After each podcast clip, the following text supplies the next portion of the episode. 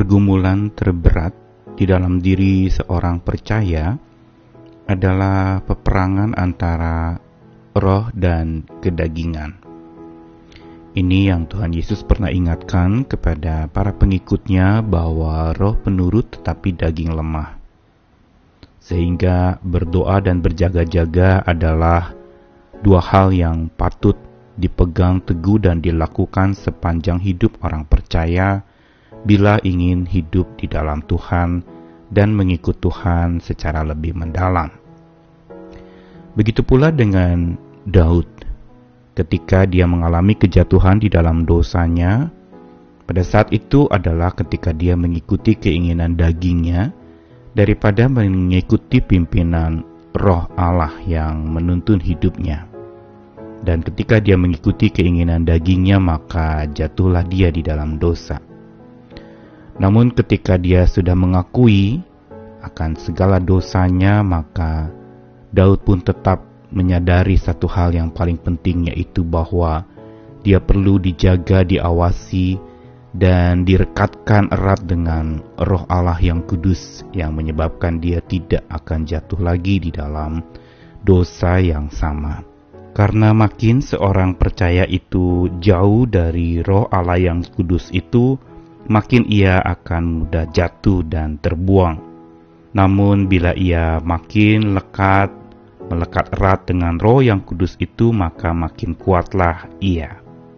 Saya Nikolas Kurniawan menemani di dalam Sabda Tuhan hari ini yang akan menyapa kita masih dari Mazmur 51. Kita akan melihat tentang peran Roh Kudus di dalam pertobatan dan pengakuan dosa orang percaya, khususnya lewat apa yang dialami oleh Daud, roh Allah itu dicatatkan di dalam Mazmur 51 itu sebagai penginsyaf.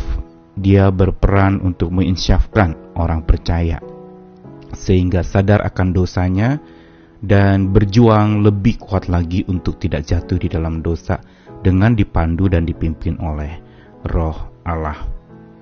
Ayatnya akan dibacakan dari Mazmur 51 ayat yang ke-13 Janganlah membuang aku dari hadapanmu, dan janganlah mengambil rohmu yang kudus dari padaku.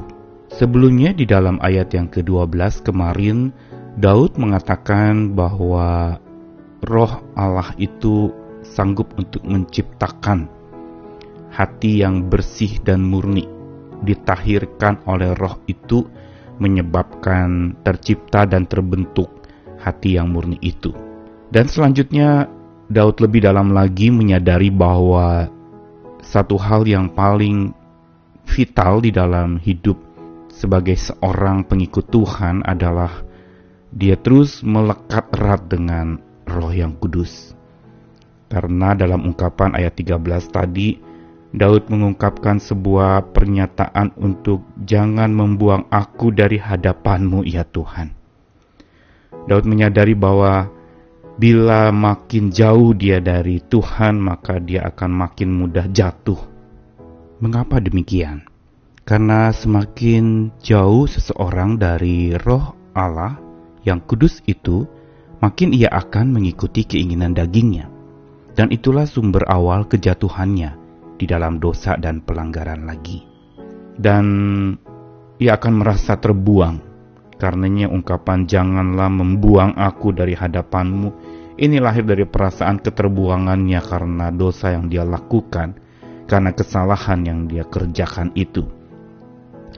Dan selanjutnya Daud juga mengatakan jangan mengambil rohmu yang kudus daripadaku.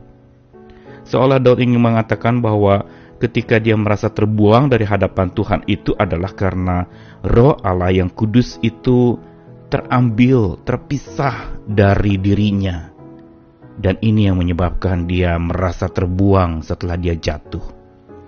Dan menjadi lemah untuk berjuang karena dia mengikuti keinginan dagingnya daripada mengikuti pimpinan roh Allah di dalam hidupnya.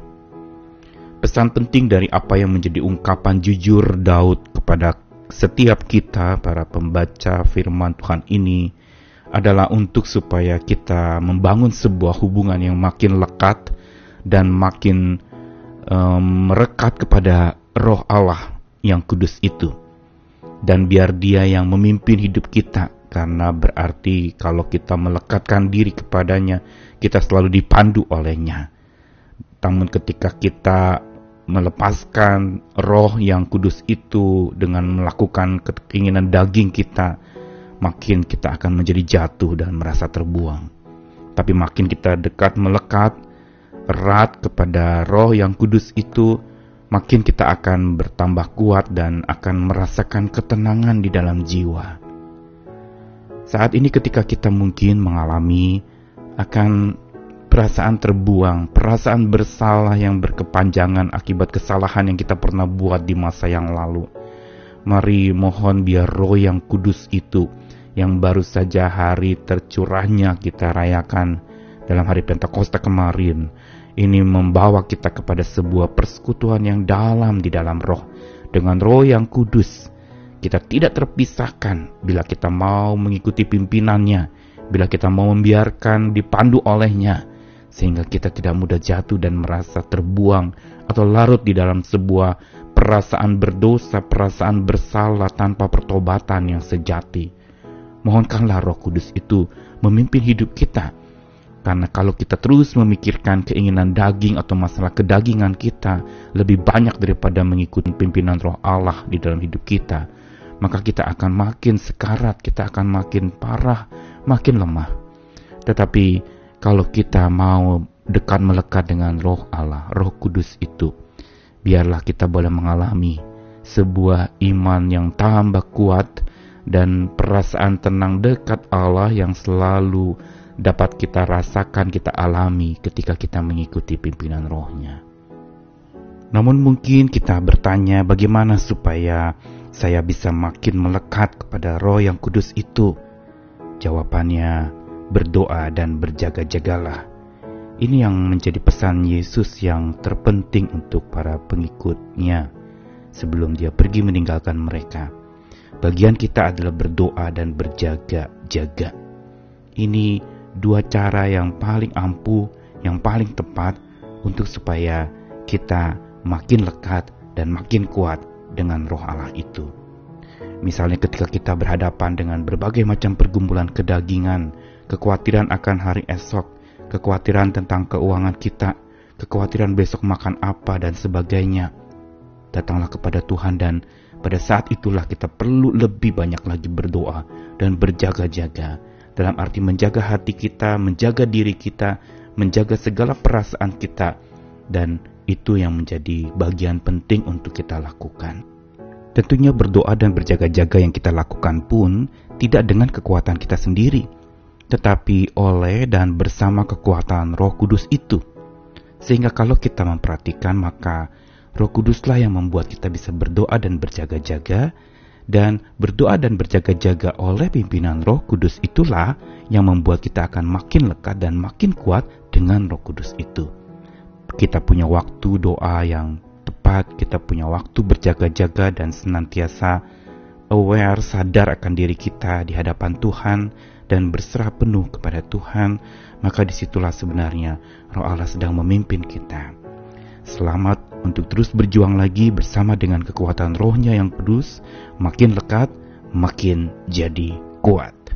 Amin.